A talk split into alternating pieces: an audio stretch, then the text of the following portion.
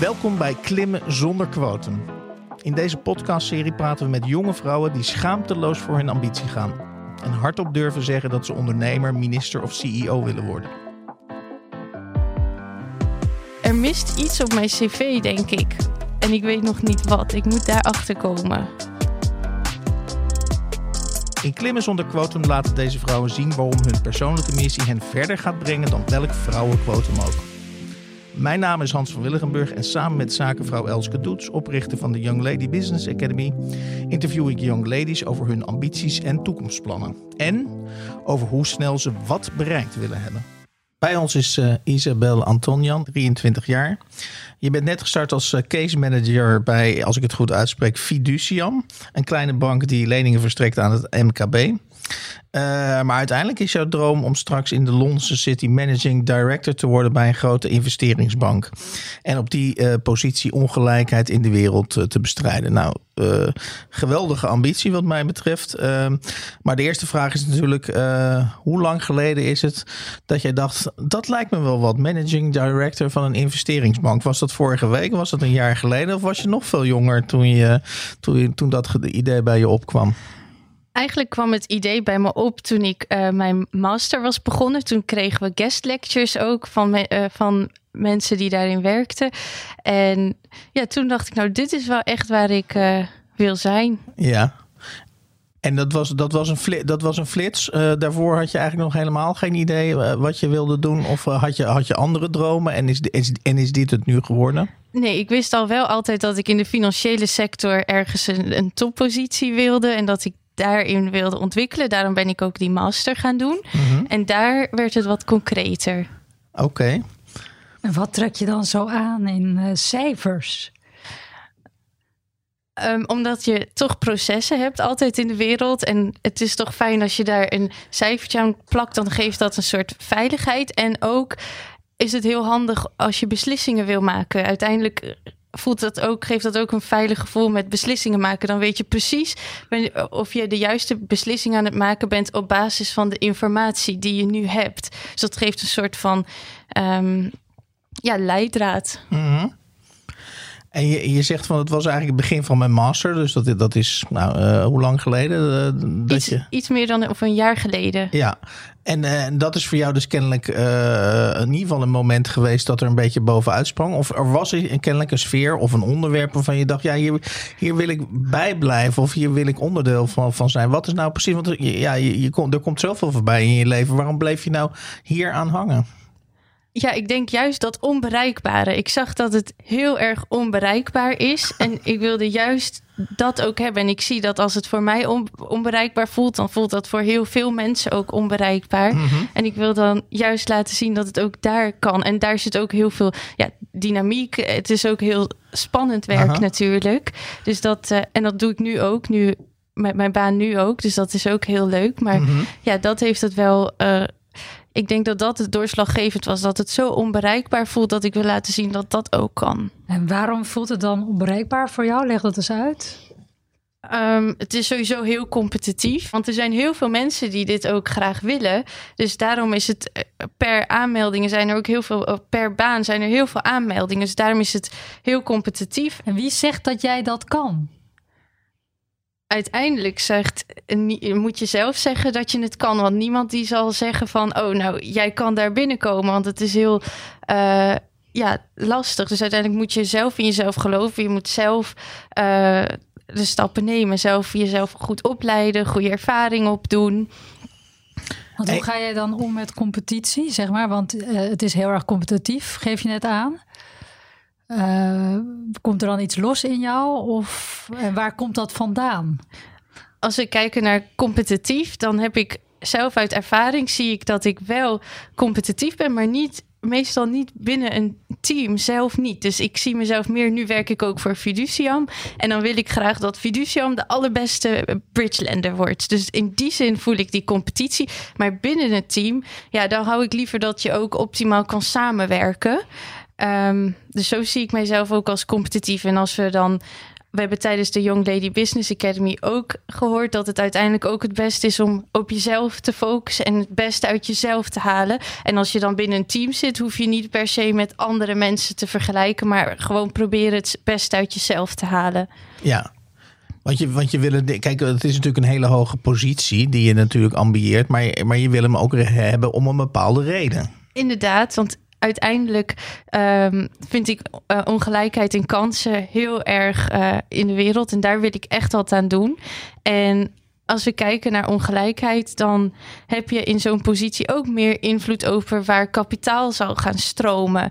En dan kan je kiezen: kies ik voor een bedrijf die uh, hoofdzakelijk alleen uh, de aandeelhouders, uh, de winst van de aandeelhouders wil vergroten. Of ook aan de rest van de samenleving denkt en aan, de aan zijn werknemers denkt. En, en bijvoorbeeld diversiteit. Mm -hmm. Want als we kijken ook naar de aandeelhouders, dat zijn over het algemeen al de rijkste mensen in de samenleving. Stel, je hebt minimumloon, dan verdien je geld en dan moet je dat allemaal uh, consumeren. Dus mm -hmm. dan blijft er niks over om te investeren in bijvoorbeeld een aandeel.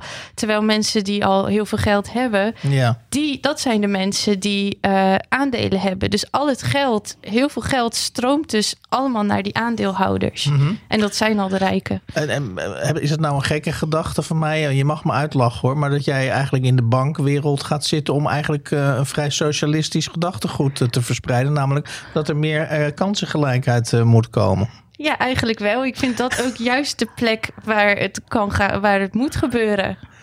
Uh, de eerste vrouwelijke socialist in de bankenwereld. ik zie de kop al voor me. Maar ik ben wel benieuwd waar dat vandaan komt. Dat jij zo graag het over kansengelijkheid wil hebben op een plek waar dat juist totaal niet aan de orde is. Nee, klopt. Waar het nou vandaan komt is... Uh, allereerst heb ik dat dus geleerd. Tijdens mijn studie heb ik over ongelijkheid geleerd. En toen heb Ja. ik geleerd dat mensen die... Maar voor jou persoonlijk. Ja, en toen kwam ik dus, nadat ik dat heb geleerd... Kwam ik, ging ik dus op... Daar kwam het voor het eerst echt tot leven. Toen zag ik dat dus een... Ja, dat was een verhaal dat een taxichauffeur... die vertelde heel trots over zijn dochter... En ze, hij vertelde dat ze mee had gedaan aan een modelverkiezing. En de beste was geworden van heel Armenië. Dat was ook op vakantie in Armenië. En toen zei ik, oh wat leuk. En toen, en toen mocht zij naar Parijs om een wedstrijd te doen. Om dus internationaal verder te gaan in die competitie. En toen zei, uh, vertelde hij dat zij uiteindelijk geen geld had om een ticket naar Parijs te kopen. En toen was echt heel hard kwam het aan. Wow, alles wat ik heb geleerd is echt het geval. Ik kom zelf ook uit Armenië. Ik had ook in die positie kunnen zitten. En ja, daar eindigt haar droom. Het is niet alleen ja. dit moment. Want dan is zij al de beste van Armenië. En daar stopt het gewoon. Want dan denkt ze, nou, als ik al de beste van Armenië ben... en dan niet verder kan, dan ga ik misschien wel wat anders doen. Dus dat vond ik ja, daar was het voor het eerst kwam het echt bij me. En in Nederland heb ik dat ook gezien. Ik heb dus bijvoorbeeld University College gedaan. En op de middelbare school was er ook een ander meisje die. Um, die wilde ook eigenlijk wel University College doen, maar het is wat duurder. En toen vertelde ze dat ze dat daarom ook niet ging doen. En op dat moment, het is niet dat één opleiding beter is dan de -huh. andere. Daar gaat het helemaal niet over. Maar meer, op dat moment gaat zij dus niet iets doen vanuit haar intrinsieke motivatie. Dus ja. dat is niet de plek waar zij wilde zijn. Terwijl als zij was op de plek waar ze wilde studeren, zou ze veel beter haar talenten ook kunnen benutten en ja. veel beter kunnen bloeien. Dus als jij nou maar lang genoeg straks in, in Londen zit bij die investeringsbank, dan, dan kunnen die dromen, idealiter, uh, kunnen die dromen allemaal wel doorgaan. Dat, dat is eigenlijk wat je zegt. Dat is waar ik echt voor ga, inderdaad. Maar hoe ga je dan door die muren heen breken? Want jij propageert eigenlijk bloei, hè? Uh, wat ik ook heel erg aanhang. Fijn. Maar daar zit wel een hele masculine, uh, sterke muur waar je doorheen moet gaan breken. Hoe ga je dat doen? Ja, dat is precies waarom ik ook daar binnen wilde komen. Dat ik, want als je daar dan al bent en zo'n functie hebt, dan heb je dat masculine gedeelte ook al. Dan zit je daar middenin en dan ben je dat ook deels, want anders kom je niet zo ver. En daarmee kan je ook weer juist. Um, ja, beslissingen maken die wel uh, beter zijn voor de samenleving. Ik weet niet of Elske dit een bevredigend antwoord vindt. Nou, want, ik want, wil eh, even, weet je waar ik wel heel erg getriggerd door ben? Want jij eh, vindt het dus jammer dat een, een meisje of vrouw uit Armenië eh, niet haar talent kan benutten elders in de wereld. Hè? Dus eigenlijk een soort talentvlucht. Jij bent zelf ook een talent in Nederland. Uh, maar toch wil jij vluchten naar Londen. En uh, binnenkort wordt weer de Female Board Index hier in Nederland bekend. En dan gaan we waarschijnlijk horen dat we een beetje vooruit zijn gegaan. Maar dat het nog steeds dramatisch is gesteld met het aantal vrouwen in Board of Directors. En dan zit hier tegenover ons een groot talent en die wil vluchten naar Londen. Dat is toch ook niet de goede kant op? Ik denk het juist wel, want dat is het financiële centrum. Dus je hebt dus New York en Londen. En dat, dat zijn uh, juist de plekken waar je, waar je verandering kan zorgen. En ik denk dat dat als het daar ook goed zit, dat dat het juiste begin is. En dat het dan verder kan gaan. Want zij zijn de, de hoofdkwartieren zitten allemaal in Londen. Oké, dus jij zegt kijk over die nationale grens heen en, uh, en kijk naar wat de. Ik kan als vrouw in de financiële wereld juist vanuit Londen meer betekenen ja, ik wil juist op de plek zijn waar ik het meest kan betekenen. Waar ik het grootschalig, meest grootschalige wat kan doen. Oké, okay, nou begrijp ik nou goed. Want tegenover ons zit een. Hè, luisteraars kunnen natuurlijk niet uh, jou zien, maar. Uh, echt een vrouw, zeg maar. Maar je hebt heel veel masculine energie in je om uh, die muren af te gaan breken. Ja, nou, trek, je bo- trek, trek, die, trek die bokshandschoenen aan. ik zie het voor me. Nou is het zo dat jij natuurlijk uh, uh, dat je niet alleen maar medewerking krijgt. Uh, je, je, als social, potentieel socialist in het bedrijfsleven. En dan begrijp ik dat jij een business school hebt gedaan. waar, waar je inderdaad heel veel tegenstand ook ervaren hebt. Ja, inderdaad. We hebben. Um Eén keer probeerde de docent een discussie te voeren. En toen vroeg hij van, nou, wil je graag, uh, zouden jullie in een tabaksindustrie willen gaan werken? Nou, toen was iedereen zonder na te denken, ja tuurlijk, als je daar geld mee kan verdienen, ja natuurlijk. En hoe oud waren die mensen? Allemaal van jouw leeftijd? Mijn leeftijd of ouder ietsje. Okay. Maar ietsje echt jong nog, uh, rond de 25, 26. En 90 of 95 procent van die zaal die wilde graag in de tabaksindustrie. Of, of iedereen behalve jij? En, ja, er waren wel vast ook een paar mensen die uh, ook niet wilden. Maar heel veel mensen die dachten van... nou, uh, als ik er geld mee kan verdienen, waarom doen we dat dan niet? En toen zei ik van, ik dacht van ja... maar als je bij een bedrijf werkt, dan wil je juist dat hoe groter het bedrijf is... hoe beter het is, want je wil voor je bedrijf zorgen. Maar hoe groter een tabaksindustrie wordt, hoe groter schade je aandoet aan de samenleving. Want dat gaat tegen de gezondheid in. Dus ik dacht juist, dat wil je echt juist niet werken. Want je wil juist dat je bedrijf groeit en meewerken daaraan. Nou. En toen uh, vroeg de docent ook aan die persoon van, ben je het ermee eens? Toen was het nee. Oké, okay, dus jij wilt in principe. Uh, dus, dus jij moest nog aan die zaal uitleggen, begrijp ik. Dat het beter is om voor een bedrijf te werken. dat uh, als het groeit ook de maatschappij beter maakt. Uh, dan, en daar was de rest van de zaal, als ik je goed begrijp, het dus niet mee eens. Nee, als het goed is voor dat bedrijf en het is goed voor mijn portemonnee. dan is het voor de maatschappij maar pech inderdaad, toen ging het puur om geld. En nou, dat, van dat beeld wil ik af. Uh, we gaan je even in het diepe gooien. Uh, voor zover we dat niet al gedaan hebben hoor. Uh, niet, niet schrikken. Ik ga een aantal stellingen aan je voorleggen. ik zie je al een beetje. En je, mag maar, je mag alleen eens of oneens zeggen. Oké. Okay. Ja? corporates zijn oorzaak van grote ongelijkheid in de wereld, niet de oplossing. Oneens. De wereld doet er verstandig aan Nieuw-Zeeland te volgen in het minder belangrijk maken van economische groei. Ik denk niet. Oh, wacht. Dus eens of, eens of oneens zijn. Ja. ja, dan ben ik het weer oneens. Oneens. Dus ja. wat jou betreft toch gewoon uh, economische groei. Als ik uitleg mag geven, maar dat ja, mag dat, niet. Ja, dat mag, dat mag, je, mag je zo doen. Uh, vrouwen maken meer verschil voor aandeelhouders dan mannen. Ook oneens. Oké. En dan als slot. Uh, in de City of Londen zijn ze ruimdenkend genoeg om vrouwen als ik te verwelkomen. Eens. Uh, en waaruit? Oké, okay, nou dan begin ik even met die laatste. Uh, waarom, waarom denk je, wat, wat weet jij wat wij niet weten? Dat ze daar jou, dat ze tegen, tegen jou zeggen: Isabella, kom gezellig naar Londen. Nee, dat zullen ze zeker niet doen. Maar ik denk ook juist in Londen zijn ze ook wel bezig daarmee. Om ook vrouwen in een betere positie te brengen. En ik denk als je ik wil juist proberen dat als je wel echt ervoor gaat, dat ze ook juist wel uh, mensen kunnen verwelkomen. Die, dan dat is mijn hele doel juist. Mhm. Dus daarom wil ik het daar niet per se nu al mee oneens zijn. Mijn hele doel is om ervoor zorgen dat dit het geval is. Dus misschien is het meer een droom dan een werkelijkheid. Maar dan zijn in Londen die aandeelhouders bij die hè, internationale bankenwereld maatgevend. En dan maken vrouwen toch niet het verschil volgens jou. Dat snap ik niet. Nou, niet meer, even volgens de stelling, niet meer verschil dan mannen. Nou ja, dus waarom heeft het dan Ja. zin? Nou, waar het mij om gaat, is niet dat, dat alleen dat er per se meer vrouwen moet zijn. Ik vind dat er eerlijkheid moet zijn. Dus, ehm, dus of het nou een man is die zijn werk goed doet, of een vrouw is die zijn werk goed doet. Het gaat mij erom dat iedereen gelijke kansen heeft om binnen te komen. En dat is voor mij belangrijk. En ik denk uiteindelijk zal het ook goed zijn om een vrouwelijke blik, om die diversiteit ook in mannen en vrouwen te hebben. Maar dat zal waarschijnlijk, als er gelijke kansen zijn, zal dat automatisch ook eh, die diversiteit daarin komen. En wat is dan die heilige graal om die gelijke kansen te krijgen? Dat is dus heel erg lastig, want dan komt het ook weer eh, terug op educatie. En dat is waar we het net dus ook al over hadden. Ja, er is echt enorme. Eh, ja, ze zijn op zoek naar talenten, de grote bedrijven. En die talenten, ja, hoe word je een talent? Over het algemeen ook door het juiste netwerk, door de juiste educatie. En daar eh, zit, eh, daar moet heel veel in veranderen op dit moment. In Nederland is dat ook het geval. In Nederland, zelfs al op de basisschool, gaat het mis.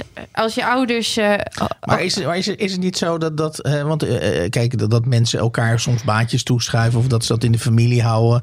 Ja, dan denk ik bij mezelf, als je dat wil veranderen, dat is, bij, de, eh, dat is bijna een levenstaak in zichzelf. Als je daarna als ook nog een carrière in de, in de bankenwereld moet eh, doen, dat, dat wordt wel heel veel hooi op je vork. Ja, ik zie het juist als een, een combinatie van beide. Dus dat ik juist door in die positie te zijn dat beter kan veranderen. Eh, en het is inderdaad een grote taak en het is een heel ja, Ja. een groot complex probleem. Maar ik wil er wel echt voor gaan. Oké, dus jouw jouw idee is eigenlijk, ik moet eerst een beetje macht of positie vergaren in die wereld. En dan alles wat ik daar dan beslis, heeft meer invloed eh, dan dat ik, eh, nou ja, eh, zeg maar op een ergens op een filiaal kantoor in Nederland blijf hangen. En natuurlijk heeft alles ook al invloed. Alleen al nu hierover spreken heeft al invloed. Als iemand, als mensen dit luisteren, kan dat ook al iemand aan het denken zetten. Dus dat is al overal winst. En inderdaad, hoe grootschaliger die winst, hoe beter. Nog even terug ook op jouw vraag eh, over die moeilijke stelling eh, over Nieuw-Zeeland. Want uiteindelijk was je het dus met die stelling oneens. Eh, eh, dus met andere woorden, eh, jij, vindt dat economische groei wel eh, eh, leidend moet blijven. Waarvan ik alvast kan zeggen dat je daarin oneens bent met bijvoorbeeld Elske. Ja, klopt. Ik had het bij het boek ook gezien. Dat ze, maar ik, bij mij gaat het denk ik niet alleen om dat economische groei niet goed is, maar hoe die economische groei tot stand komt. Dus daar moet naar gekeken worden. En als we door juist met door ju- eh, als een bedrijf ook juist denkt aan andere stakeholders, zoals eh, milieu of de omgeving eromheen en ehm, werknemers en de aandeelhouders, gewoon allemaal, dan mag er heus wel economische groei zijn. Dan is dat juist goed als, als we op die manier economische groei hebben, als het maar op de juiste manier gebeurt. En niet groei hebben om maar groei te hebben ten koste van alles. Daar ben ik tegen. Maar als het op de juiste manier gebeurt, dan is er niks mis met economische groei. Dat geeft juist ehm, motivatie, denk ik. Stel je bedrijf groeit ook, dat is juist, eh, kan dat eh, heel motiverend zijn. Maar dan, dan zit je op dezelfde lijn als ik. Want ik zeg, trek het breder. Dus kijk naar het klimaat, kijk naar welzijn. En dan sluit dat groei niet uit. Maar je moet het juist. breder benaderen. Juist. Vandaar bloei. Ja, precies. Daar ben ik het helemaal mee eens. Ja. Maar hoe ga je nu eh, in Londen, waar dus alles is gebaseerd op dat eenzijdige eh, straatje van groei, zonder te kijken naar de andere stakeholders, hoe ga jij daar nu verschil in maken? Ik denk dat als je daar zit, dan heb je echt invloed op met welke bedrijven eh, je geld gaat ophalen of geld gaat investeren in welke bedrijven. En dan heb je daar, en dan gaat het om hele grote bedragen ook. Dus dat heeft echt heel veel invloed. Want uiteindelijk heeft geld een hele grote rol in de wereld. Want dat is ook waar heel veel beslissingen Mhm. uit worden gemaakt. En dat heeft toch, ze zeggen, geld is macht. en wie, beta- eh, wie betaalt, bepaalt. Ja. Dus dat soort dingen. En daar ben ik, dat is toch helaas wel het geval. Dus in dat geval kan je samen met je team, die moet je wel, eh, je kunt niet alleen beslissen natuurlijk. Maar dan kan je een more, meer ja, socialistisch beeld ook in Ja. het team schetsen. Waarin je wel dus in bedrijven gaat investeren die net zo Snap die ik. in dat. ehm, Maar beluister ik jou nou goed dat je eigenlijk zegt... ehm, kijk, eh, eh, die tegenstand waar Elsken het over heeft... die mensen die dus eigenlijk alleen naar cijfers willen kijken... daarvan zeg je eigenlijk, als ik het heel goed beluister... maar jij mag dat ontkennen of bevestigen... is dat je zegt, nou ja, die mensen worden op een gegeven moment ook vanzelf wel ouder... en die gaan ook met pensioen. Dus er komt een nieuwe generatie aan... en die kijkt heel erg, erg of die kijkt anders naar dit soort issues. Daar ben jij eh, misschien een, een, een eh, onderdeel van. En dat lost zich dus in zekere zin eh, vanzelf op. Of, of, maar eh, Ik denk inderdaad dat er een- echte shift aan de gang is, ook nu. Want er zijn ook steeds meer mensen die, die vinden dat een bedrijf verder moet kijken dan de aandeelhouders. Maar ik vind ook dat het sneller mag gaan. We hoeven niet te, te wachten totdat de ene generatie weg is. Dat mag zo wil snel dat- mogelijk jij, jij wil ook ze er gaan. wel eerder uitschoppen als dat nou, mogelijk is. uitschoppen hoeft niet, maar, maar er kan wel al een shift komen daarin. En ik denk ook dat ook nu in deze generatie zullen er ook mensen zijn die juist een voorbeeld nemen aan dit soort mensen die wel juist alleen aan cijfers denken. Die vinden dat misschien juist stoer om zo te zijn. Dus ook in deze generatie valt er genoeg eh, te winnen. Oké. En die, ga, die mensen ga je dat dus uit hun hoofd praten dan? Want jij wil dat niet. Ja, en ik wil het uiteindelijk niet alleen uit hun hoofd praten. Ik wil het ook laten zien dat Ja. het ook zakelijk is en dat dat niet alleen maar eh, eh, een, een visie is. Dat, je de, dat dat ook gewoon een bedrijf kan zijn, dat je ook winst kan maken. Ja. Ja, Oké, dan gaan we een beetje naar, naar, naar, naar, naar, de, naar het slot van de, van de podcast. En dat is natuurlijk, je bent net begonnen bij Fiduciam, een, eh, eh, een kleine bank. Eh, hoe zie jij de, de hoe, hoe ver ben je? Hoe ver heb je nog te gaan, denk jij? Hoe lang, moet, hoe, hoe lang gaat dat duren? En welke stappen zie je voor jezelf? eh? Ehm, ik ben dus net begonnen en ik vind het heel erg leuk. Ik voel me helemaal op mijn plek hier bij Fiduciam. Dus ik kan hier echt wel ontwikkelen. En ehm, hier leer ik ook... Zij, het hoofdkantoor zit ook in Londen. ja. Dus vandaar ben ik ook al een beetje verbonden met eh, Londen daarmee. Mhm. Dus daar hebben we ook steeds eh, direct contact mee. ja. En ehm, Maar je zei, je vindt het heel erg leuk. Maar wat vind je dan heel... eh, Wat spreek je onmiddellijk aan bij wat je nu doet? allereerst is het team. Zij nemen ook jonge en dynamische mensen echt aan. Zij willen dat ook graag. Dus ze zijn ja, een heel nieuw en vers team. En ze zijn heel ondernemend daarnaast. Dus het is ook een groeiend bedrijf. Dus ze zijn heel ondernemend. Dus dat vind ik heel erg leuk. En ze luisteren ook inderdaad eh, naar iedereen. Het is niet alleen dat de, eh, de top eh, het alleen maar zeggen. Maar ze vinden iedereen's meningen die komen...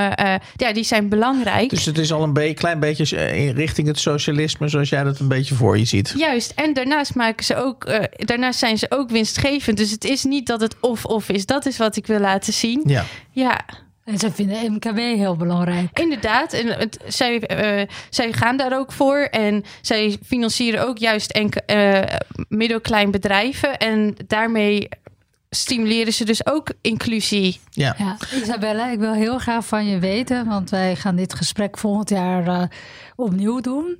En ik wil eigenlijk nu een aantal eh, beloftes aan jezelf eh, horen. Dus die mag je zo direct uitspreken in de microfoon. Wat je in dat jaar gaat bereiken. Oké, ik wil graag ook een zelfverzekerde, zelfverzekerde financiële professional zijn. Dus dat ik echt voel dat ik expert hierin ben. Want dat is ook nodig om dat te bereiken.